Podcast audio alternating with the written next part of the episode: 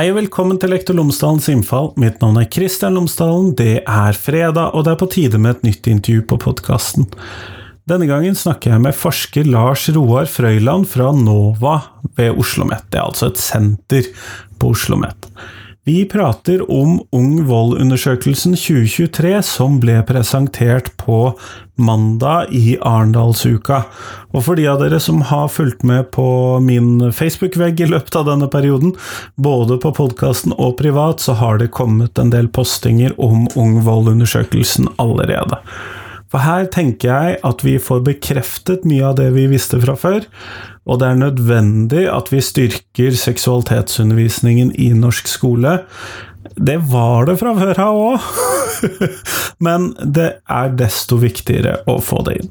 Dette er altså en undersøkelse som er kjempestor, gjort over tid, får fram mye data og bekrefter tidligere funn. Det er veldig sjelden jeg er så tydelig i begynnelsen av en episode som det er akkurat nå, men hør gjerne Lars Roar Frøyland fortelle om eh, funnene, tallene, antall mennesker de har forsket på osv., så, eh, så er jeg sikker på at du også syns dette er interessant. Ellers, du kan finne rapporten, den finnes du lenke til direkte i shownotesen inne på lektorlomsdalen.no, så finner du den. Ellers, podkasten er som alltid sponset av Fagbokforlaget. Og visste du at Fagbokforlaget har gitt ut en metodebok om forskningsoversikter? Og det er viktig hvis du f.eks. skal skrive en bacheloroppgave, en masteroppgave eller kanskje til og med en doktorgrad, og så har du samla inn all den informasjonen, du har forska på folk, eller du har samlet inn tall, eller du har gjort Du har fått inn mye informasjon, du har hentet, gjort litteratur, litteraturreviews osv. Du har masse data, du må finne ut hva som er viktig for deg. Da kan denne boka være viktig. Den heter Forskningsoversikter i utdanningsvitenskap, og de anbefaler den til alle studenter på lærerutdanningene og innenfor andre pedagogiske fag. Du finner den på fagbokforlaget.no. Men nå, nå får du høre Lars Roar, vær så god.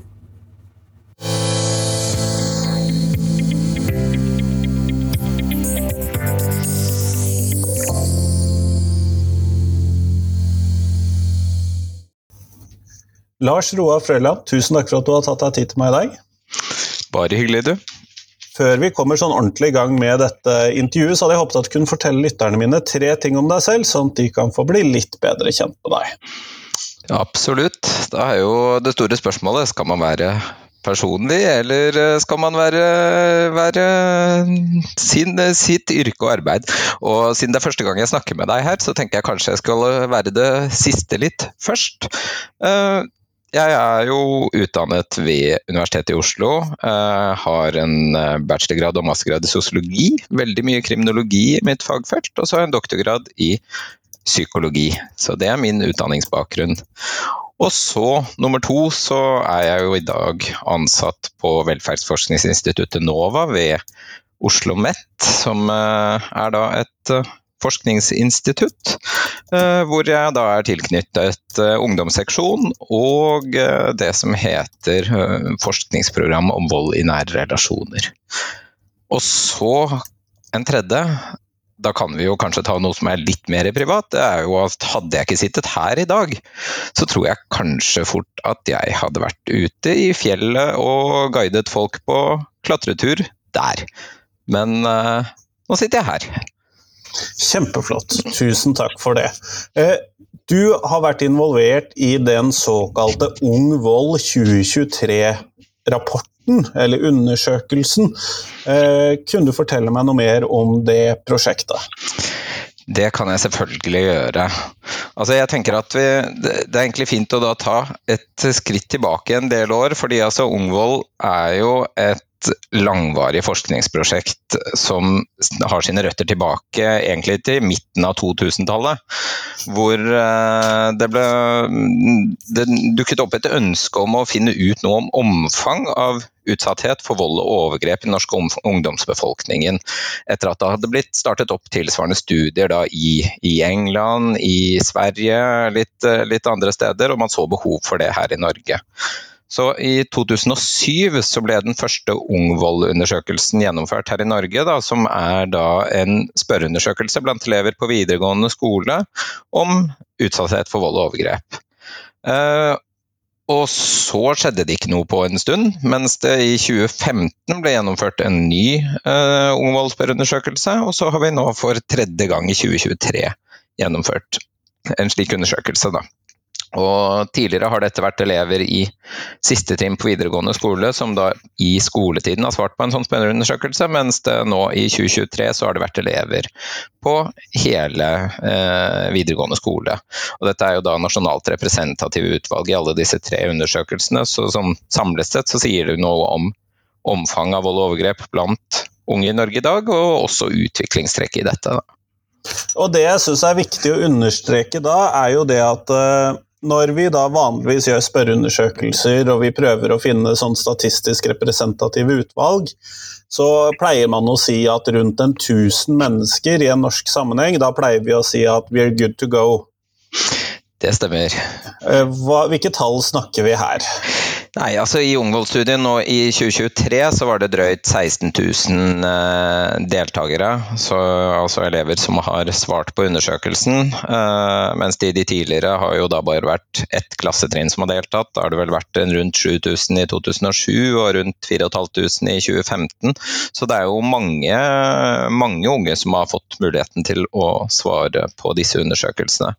Og Altså jeg kan jo si, du, du, nevner jo tallet 1000. altså Noe av bakgrunnen for at utvalget her er såpass stort som det det er, er jo rett og slett at vi i en del tilfeller eh, kartlegger relativt lite vanlige fenomener. Da, Så hvis vi på en måte skal ha noe rett og slett mulighet til å statistisk analysere dette, etterpå, så, eh, dette etterpå, så må vi ha et visst antall deltakere. Ja, men det gjør jo tallene desto sikrere, da. Det er jo det som eh, er gleden, det vonde, for min del i dette. Mm. Nei, Det har du helt rett. Altså, det er jo klart at uh, funnene blir sikrere sånn sett. Uh, altså dette Avveiningen mellom antallet man skal ha med og, og hvor mange man faktisk tar med, handler jo ofte om økonomi, kort og godt enkelt. Hva er gjennomførbart? Vi har heldigvis et uh, flott utvalg av skoler som uh, har takket ja til å delta, og det gjør også den muligheten til å samle inn et større materiale mulig. Da. Altså vi hadde for å si det enkelt, ikke klart å gjennomføre en sånn undersøkelse som dette er uten uh, godvilje fra skoler og skoleledere og lærere, og, ja, og selvfølgelig også da elevene selv. Da. Men dette blir jo da eh, data som er sammenlignbare på tvers av videregående linjer og en del sånne andre ja, altså dette her er jo du, du, er jo inne på noe litt interessant med de tidligere Ungvoll-undersøkelsene og denne vi har gjennomført nå. fordi altså, Som jeg nevnte i stad, så har jo denne undersøkelsen vært gjennomført i siste trinn på videregående skole eh, i 2007 og 2015. Og hvem er det som går i siste trinn på videregående skole? Altså, det er jo i all hovedsak elever som går studiespesialiserende. Er de som er ute i læra f.eks. og sånne ting, de er jo ikke på skolen. Og det har jo også vært et visst frafall gjennom skoleløpet. Altså, det er ikke helt tilfeldig hvem det er som går siste trinn på videregående skole, og hvem det er som ikke gjør det. Så, så, det sammenligningsutvalget vi har over tid, det er i all hovedsak studiespesielever. Eh, mens vi nå i 2023 for første gang egentlig har et, også et godt utvalg elever på yrkesfaglige studieretninger f.eks. Og så er det jo da dette, for jeg har jo allerede indikert at uh, jeg er jo ikke helt fornøyd med hva skal vi kalle det, funnene deres. De gjør meg ganske nedslått på mange måter uh, gjennom noen av kommentarene mine her. Men uh, hvilke funn er det dere har funnet? Hva er det dere har kommet fram til her, i, sånne, i noen sånne hovedbolker? Ja, Altså, Vi kan jo begynne med det som kanskje gjør mest vondt, og som du allerede har eh, pekt i retning av. Altså, Vi finner jo en, et høyt omfang av det vi i rapporten omtaler som seksuell vold. altså Som er eh, rett og slett eh, handlinger som krenker personers rett til kontroll over kropp, egen seksualitet. Altså, det kan være veldig mye forskjellige ting, men altså, her finner vi jo at én av fire samlet i hele utvalget oppgir å ha slike erfaringer noen gang i løpet av livet. Og så er jo da andelen enda høyere blant jenter enn blant gutter, så det er jo et så høyt tall som nærmere 40% av jentene som sier at de har hatt slike erfaringer gjennom livet. Og så kan jo dette her være veldig mye forskjellig. Altså Vi kartlegger jo alt fra det å ha opplevd at noen befølte en mot dens vilje, som kan være mm, også veldig ulike ting, mens, men vi kartlegger også erfaringer som uh, i henhold til norsk lov ville vært uh, dømt som voldtekt. Uh, og altså dette nivået er jo høyt generelt, men i tillegg så er det langt, langt høyere nå i 2023 enn det var i 2015. Altså det er For nesten alle handlingene vi kartlegger, så er det jo nesten en dobling i omfangstallet i 2023 enn 2015. Uh, og dette gjelder også mer alvorlige handlinger som uh, penetrering f.eks., uten at man ønsket det. Ja. Så det er ganske det, det, det, er vel liksom kanskje det viktigste funnet i rapporten. Det er jo veldig mye annet inni her òg, men ja, det er, trekk står jo fram. Ja, eh, Kan du ikke ta oss og dra oss gjennom noen av de andre bolkene også, så får vi komme tilbake til seksuell vold også? Absolutt, absolutt. Nei, altså, vi har jo kartlagt masse andre former for, uh, for, vold og krenkelser inni her. Altså, vi kan jo ta ferdig det seksuelle først. Vi har jo også sett på digitale medier og hvordan, uh, hvordan unge opplever krenkelser, seksuelle krenkelser der. Uh, og, og, nok en gang, høye omfangstall. Vi kan ikke si noe om endring over tid, men det ligger omtrent på samme nivå som for den seksuelle volden. Og så har vi jo Uh, ulike former for vold i hjemmet. Uh, der er det jo kanskje hakket mer positive, positive funn. Altså, vi kartlegger det å ha blitt utsatt for vold fra foreldre, hvor uh, andelen som utsettes for vold går ganske markant ned fra 2007 til 2015, og fortsetter litt ned nå til 2023. Og omfanget er på et relativt lavt nivå. Rett nok så er det jo omfanget av litt mildere former for vold som går ned, mens den grove volden er ganske stabil. Og dette her forstår vi jo litt som at ja, det hjelper å si at man ikke skal slå barn, men den grove volden henger i mye større grad sammen med andre levekårsproblemer. Altså at her er det her er det rus, her er det psykisk sykdom, her er det eh, fattigdom. altså Det er på en måte andre ting som spiller inn. da. Så nivået eller omfanget av den typen vold er ganske stabilt over tid. Så det, det er rett og slett vanskelig å skulle bli kvitt den der eh, siste resten gjennom holdningsendringer? Da er det andre tiltak som må til? Yes, vi mistenker jo det. At her er det på en måte mye mer omfattende tiltak inni familiene dette gjelder, som, som må til. da. Det Er, eh, det, denne volden skjer ikke som ledd av oppdragelse eller sånne type ting. Den skjer fordi det er andre problemer til stede. Eh, så det vil kreve antagelig ganske omfattende arbeid. Og det er klart man må jo prøve å gjøre det òg, men, eh, men jeg tror ikke man kommer i mål der ved å si at de ikke gjør det det, det, er andre ting som må til. Ja, men da, Der er vi jo inne på et gladpunkt, i den forstand at den For vi har jo jobbet i norsk skole og i det norske samfunnet og helsestasjonene osv. i eh, flere tiår med å redusere oppdragervold. Mm, mm. Eh, og det kan jo se ut som det funker. Ja, vet du hva, det er, det er, faktisk veldig mye som tyder på det. Altså. Det er uh, at det, dette har effekt. Uh, og ja, bare sånn I tilknytning til den volden i hjemmet, så har vi jo også kartlagt det å eh, vært vitne til eh, vold mellom foreldre. Også der er nivået lavt. Altså nesten liksom på et nivå hvor man kanskje vanskelig igjen kan se for seg å få det særlig lavere. Så, så det er noen positive ting inni her, selv om den seksuelle volden er eh, bekymringsfull. Um, ja, Kunne du ta partnervold? Uh, yes, uh, da mener jeg partnervold. Altså vold mellom foreldre f.eks. For og også vold mot søsken. Altså om de deltakerne har sett vold mot søsken. Også det er, det er lave nivåer sånn generelt, da. Um, og så er det jo to ting som er nye i denne årets undersøkelse som vi ikke har kartlagt tidligere. og Det er unges erfaringer med å ha blitt utsatt for vold fra jevnaldrende og i parforhold.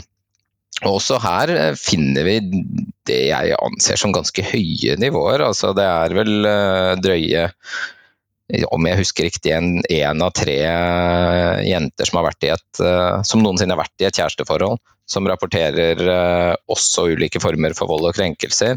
Det er jo viktig å legge til at det er jo ikke nødvendigvis i det nåværende forholdet, altså det er i noe forhold de har vært i. Men dette er jo åpenbart noe som, noe som bør forskes videre på. Da. Uh, for dette er, som, som, jeg sa, så er jo dette nytt i vår, vår, sammenheng, så jeg føler jo egentlig at det er veldig mye her vi ikke vet. Da. Ja. Og så nevnte jeg også det å blitt utsatt for vold fra jevnaldrende. Det er jo det eneste vi kartlegger i rapporten som er mer vanlig blant gutter enn jenter. Kanskje ikke overraskende det heller, eh, men også her føler jeg at det er litt for mye vi ikke vet ennå. Altså, hva er det egentlig som skjuler seg bak de rapporteringene som er Det er vel én av fire gutter som oppgir slike, slike erfaringer. Da. Nettopp, nettopp. Men når, når, du da sier det, så er det jo sånn at det er en ganske markant forskjell mellom jenters voldsopplevelser, både på seksuell vold, partnervold osv., enn hva som vi ser hos guttene at det er ganske stor forskjell? Det er det. Altså, det, det, er ikke veldig stor kjønnsforskjell når det kommer til uh, utsatthet for vold fra foreldre og det å ha sett vold mellom foreldre. Altså, det er faktisk jenter som rapporterer, rapporterer dette noe oftere enn gutter, begge deler, men det er ikke kjempestore kjønnsforskjeller. Uh, men det, det, er klart at voldsbildet blant, blant, jenter og blant gutter er ulikt. Uh, men det er jo viktig å legge til at også gutter rapporterer om en god del vold i for kjæresteforhold f.eks. Antagelig er det jo grunn til å tro at denne volden kanskje er eh, annerledes enn den volden jenter utsettes for. Og vi finner jo også en god del mer seksuelle krenkelser i kjæresteforhold f.eks. blant jenter enn blant gutter. Um, men, men, jeg tror altså man skal ikke glemme guttene oppi dette her, selv om den, uh, den store bekymringen både hos meg og andre, tror jeg nok knytter seg til jentene og den seksuelle volden. Da. Men når du da, hvis vi går tilbake til denne seksuelle volden, da, for det er jo den som har skapt de store overskriftene osv., så, videre, mm. så skal jeg jo ikke si at det ikke er fortjener å få store overskrifter, for det er ikke det jeg har tenkt å prøve å si nå. Men disse tallene som du har presentert her, er jo ikke overraskende på noen måte. De stemmer jo godt overens med NKVTS-undersøkelsen sine tall, og det, det er jo dessverre ikke noe nytt. jeg er helt, uh, helt enig. Det er, uh, det er, faktisk på ingen måte nytt. Og altså, disse mm, omfangstallene vi finner nå i 2023, er jo faktisk forbausende like. Altså, du nevner NKVTS sin rapport blant voksne i Norge. Og tilsvarende er det også skrevet rapporter i Sverige blant elever på videregående skole, og disse tallene er forbausende like. Uh, de er det, altså. Sånn, og, men det som da jeg, Her kommer jo dette antallet dere har undersøkt inn. fordi at mm. eh, Hvis vi da ser på den NKVTS-undersøkelsen, så er det 4420. Nå har jeg juksa! Mm. eh, som deltok i den. Og da er det jo begrenset antall som er under 18 år, eller rundt 18 år. Ja. Og, mm. Mens ja. hos dere så er jo det et kjempetall. ja, ja, ja. Og jeg, jeg mener, hvis ikke jeg husker husker feil, så er vel den nederste alderskategorien i rapporten til NKVTS sånn 16 til 29 eller 18 til 29 eller altså et eller annet sånt, liksom. ikke sant? Så det er jo på en måte unge, men det er ikke samme aldersgruppe. Men at vi, men at vi finner et såpass lignende tall hos oss som det de gjør, er jo er jo interessant i seg selv. Uh, og kanskje også bekymringsfullt i den forstand at det sier at det er ikke nødvendigvis noe hva skal man si, skjevhet eller ting hos dem som er feil. Dette her er det tallet vi finner. Og så er jo selvfølgelig et veldig veldig stort spørsmål da er jo hvorfor er det slik? Uh, det kan vi sikkert snakke mer om. Uh, jeg vet ikke om vi skal ta det nå, eller om vi skal ta det om litt. Nei, jeg tenkte vi kunne ta det nå, fordi jeg må jo innrømme at jeg var jo på din foredrag på Arendalsuka litt tidligere. Mm. denne uken, og nå har vi jo den hurtigste publisering til uh, eh, publisering og ut som podkastintervju på ganske lenge med denne episoden, så vi tar opp denne onsdag. Den blir sluppet allerede torsdag kveld. Eh, og dere la fram rapporten på mandag samme uke. Mm. Eh, sånn at eh, hvis folk lurer på dette Og da har dere jo trukket fram at Eh, en del opplever eh, det som dere har kategorisert som mildere former for seksuell vold, det, som du nevnte i stad, beføling. Mm -hmm. men at tallet for voldtekt og voldtektslignende situasjoner og sovevoldtekt og den typen perspektiver, det lander på rundt 16 av alderskullet. Eh, som jo er et uh, skremmende høyt tall for meg som lærer og tenåringsforelder, men som eh, da ikke var uventet i forhold til tidligere tall. Eh, har dere noen tanker om hvordan, eh, hvorfor det er blitt så høyt i data? Ja, vi har jo det. Altså, kan, de 16% du nevner, det er jo 16 av jentene. Da. Altså, det en, men det er én av ti i utvalget som helhet som rapporterer handlinger som juridisk sett uh, ville vært definert som voldtekt. Og er, jeg syns jo det er kjempehøye tall.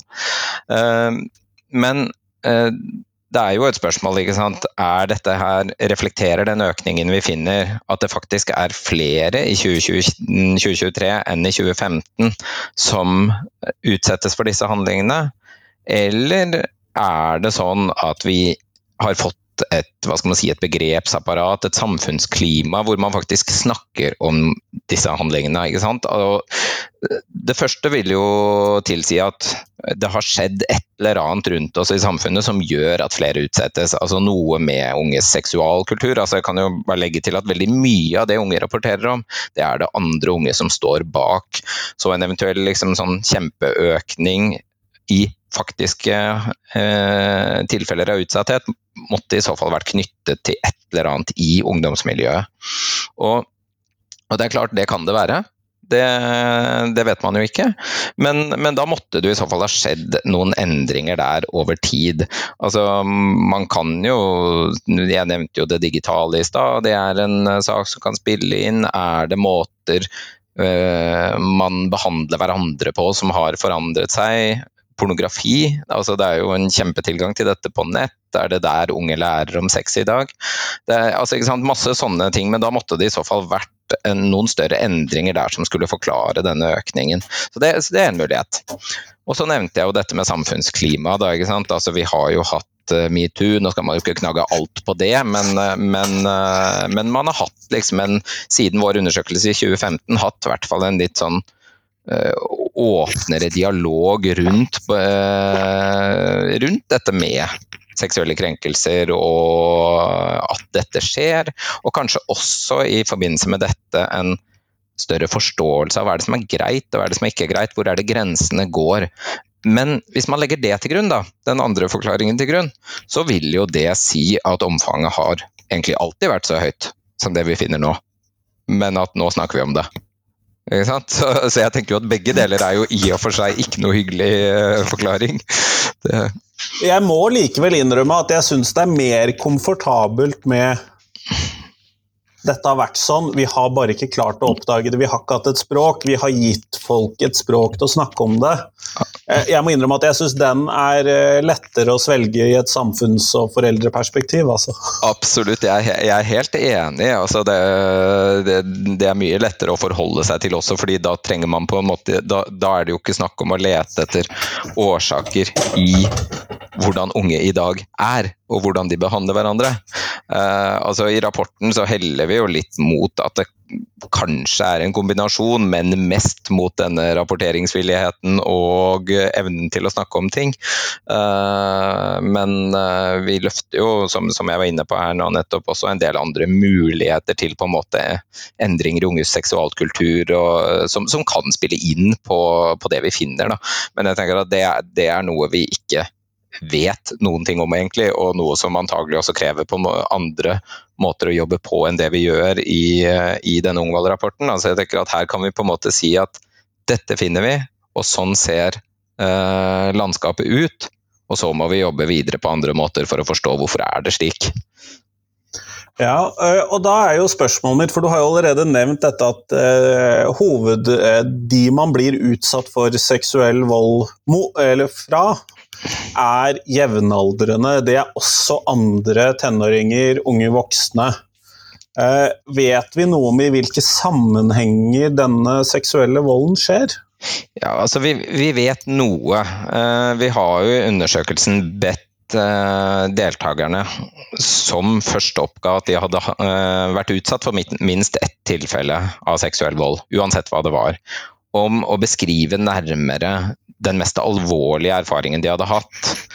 Eh, og det vi finner der, da, er jo at én, det er i all hovedsak jevnaldrende som står bak. Det er Altså, seksuell vold fra voksne er uvanlig. Det skjer, selvfølgelig, men det er uvanlig. Det er i all hovedsak jevnaldrende. Eh, det er ganske ofte så skjer det hjemme hos noen. Enten en selv eller andre. Og det er jo selvfølgelig nærliggende å tenke på festen som arena. Eh, vi finner også en god del rusbruk. Altså, sånn, det er vel rundt halvparten av de situasjonene som unge selv definerer som den mest alvorlige de har vært utsatt for, så er det, er det rus inne i bildet. Um, så, så, der har du jo liksom en uh, antagelig en arena for en del av disse, disse erfaringene, altså. Um, og så er det Sist så har vi også da spurt om uh, hvordan de unge selv vil på en måte tolke det de har vært utsatt for i ettertid.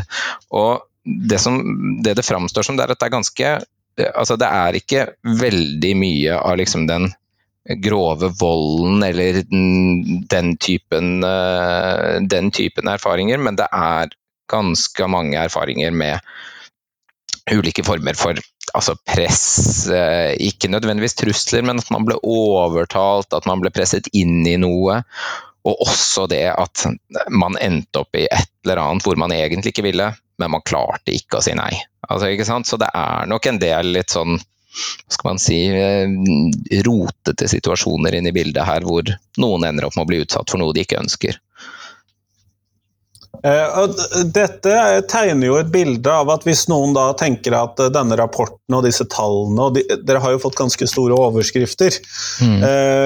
Og tenker å bruke dette som, som, kamp mot overfallsvoldtekt eller den typen politiske eh, utspill som vi har sett tidligere når det kommer til voldtektstall, eh, så ser det ikke ut som det har en veldig stor plass, i hvert fall i datamaterialet. Nei, altså det, det er ikke mye som tyder på det. Altså det er jo um, Det er ikke de situasjonene det er flest av. Når det er sagt, så er det jo klart man skal jobbe mot det òg, men hvis man ønsker å på en måte få ned disse tallene, da, så er faktisk ikke det den eh, primære arenaen man skal jobbe på. Og dette her er vel heller ikke nytt. Altså, man har jo, man har, har jo visst lenge at uh, de aller fleste voldtekter skjer jo i uh, altså, med noen, noen, man kjenner, og i, uh, gjerne i det private hjem. Og, så, det, så, dette er jo ikke nytt sånn sett.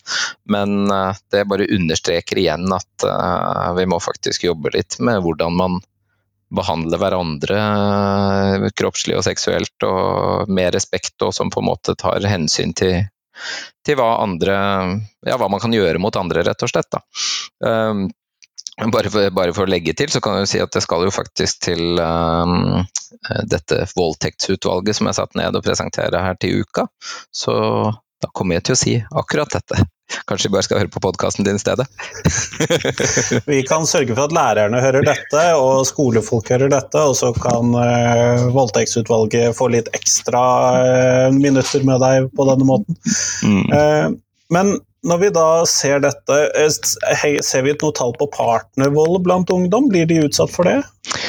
I høyeste grad. altså Jeg var jo raskt innom det i, i stad. Og jeg, hvis jeg husker rett, så er det vel rundt én av tre jenter som oppgir at de har blitt utsatt for en, en, eller annen form for vold eller krenkelse i et kjæresteforhold.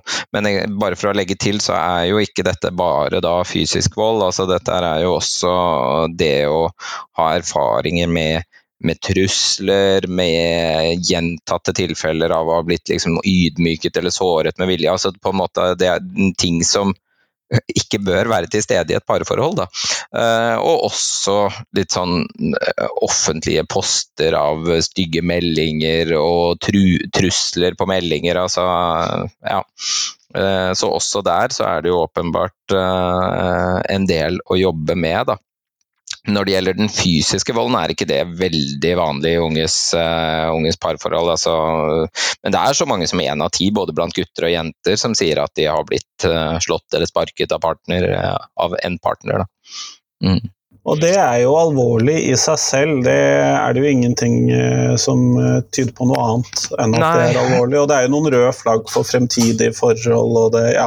Absolutt. altså jeg tenker jo at Det at du allerede i videregående skolealder har vært inne i et forhold hvor det brukes, altså om det er fysisk vold, om det er, øh, om det er seksuell vold, om det er andre ting. Altså det, og det også på en måte gå inn i voksenlivet med en forståelse av at det er sånn forhold skal være.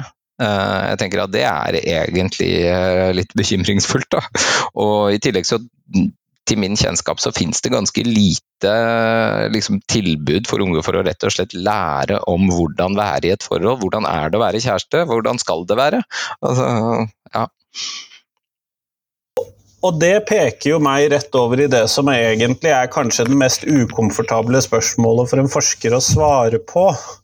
Eh, og det er jo hva skal vi gjøre for å sørge for at neste gjennomføring av denne undersøkelsen peker på lavere tall på eh, disse områdene. Og da er det jo særlig dette med seksuell vold, partnervold osv. som jeg eh, tenker på. Mm.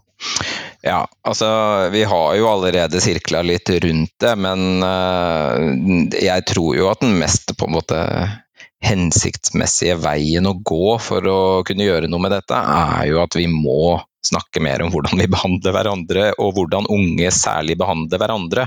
Altså, I og med at vi ser, altså, ser disse høye tallene for, for vold i kjæresteforhold, vi ser de høye tallene for seksuell vold, som jevnaldrende i all hovedsak står bak. Vi ser fysisk vold mot guttene fra andre jevnaldrende. Altså, det er på en måte veldig mye som må tas ved å rett og slett uh, snakke om snakke om hvordan man behandler hverandre. Da, og snakke om uh, hva er det som er greit, og hva er det som ikke er greit. Og være gode medmennesker. Og, ja. og da er det jo klart at uh, skolen er jo en viktig arena. Det er jo ikke til å komme utenom. Uh, og så må jo også de som er i skolen ha et språk og en mulighet for å på en måte ta disse samtalene. Så tenker jeg jo også at man skal ikke la foreldre slippe helt unna heller. Altså her må, Jeg tenker jo særlig den seksuelle volden, så må jo foreldre snakke med gutta sine. liksom. Hva er greit, hva er ikke greit. Uh, ja. Og der er det jo, og det, vi skal ikke la foreldrene slippe unna, uh, men jeg, jeg, klarer jo ikke som lærer å overlate dette temaet til de. Uh, det blir bare en bonus. Men så for min del så er jo svaret på veldig mange av de problemstillingene som dere skisserer i rapporten, er jo en utvidet, helhetlig, gjennomgående seksualitetsundervisning gjennom hele skoleløpet, helt fra barneskolen, sånn at vi kan forberede Eller barnehagene, det har jeg jo mm. argumentert for flere ganger. For å forberede dem på et liv hvor de skal ta vare på hverandre, ha grensesetting og ha en forståelse for sin egen seksualitet og et språk for å snakke om den. Yes, jeg er veldig, veldig enig. Og jeg tenker at dette her altså, Noen har jo argumentert for at ja, men man skal ikke putte sette barn inn i situasjoner de ikke er på en måte klare for. Altså når det gjelder Ikke seksualisere barna Nei, ikke seksualisere barn og så bruke det som argumenter. tenker jeg Det er bare helt feil. Altså, man må lære barn å snakke om, Snakk om egen kropp, Snakk om egen uh, seksualitet. Og jeg tenker at du, altså, du sier at uh, man kan ikke overlate dette til foreldrene. og Det tenker jeg er jo helt enig i, fordi uh, kanskje de, de, foreldrene hvor, eller de barna som ville hatt aller, aller størst behov for å ha noen å snakke med og for å ha en forståelse her, kan fort ende opp med å ha foreldre som ikke kan ta den samtalen hjemme, og som ikke klarer det. liksom. Så her må vi gjennom utdanningsløpet bare akseptere at Barn har en kropp. Unge får på et eller annet tidspunkt en seksualitet. Altså, det, er, det må vi bare gjøre. Og Det er jo også litt derfor det har vært så viktig for meg å få denne rapporten ut så tidlig på podkasten. For det handler jo nettopp om disse tallene har vi nå. Vi har hatt de lenge, nå er de slått fast virkelig så det synger etter. Eh, og det må ha en betydning. Veldig, veldig enig, igjen. Altså, jeg man, man, skal på en måte ikke eh, Altså, man skal ikke underslå at eh, ja, det er eh, barn som utsettes for vold fra voksne, og det er eh, barn som utsettes for seksuelle overgrep fra voksne, og det, det, skjer.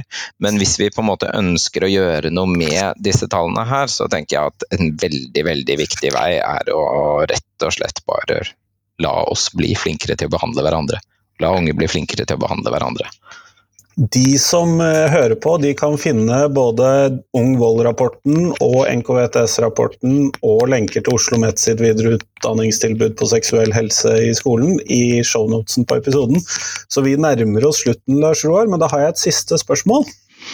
Hvilken lærer har gjort størst inntrykk på deg, og hvorfor det? Nei, altså da tror jeg faktisk at jeg må trekke fram uh, hun som var min klasseforstander på ungdomsskolen, som også da hadde samfunnsfag og norsk. Jeg vet ikke om vi skal kjøre navn osv. her. Det, det, gjør du som du vil med. Det, ja, nei, men jeg kan jo, Skulle hun plutselig høre på dette her, jeg vet vel egentlig ikke om hun Jo da, hun lever nok, hun. Drude Gjesdal. Uh, nei, hun er nok uh, en stor uh, stor grunn til at jeg sitter her i dag og har den samfunnsinteressen jeg har. Og ja, nei, så takker, takker for det. Kjempeflott. Tusen takk for at du ble med i dag. Yes, supert.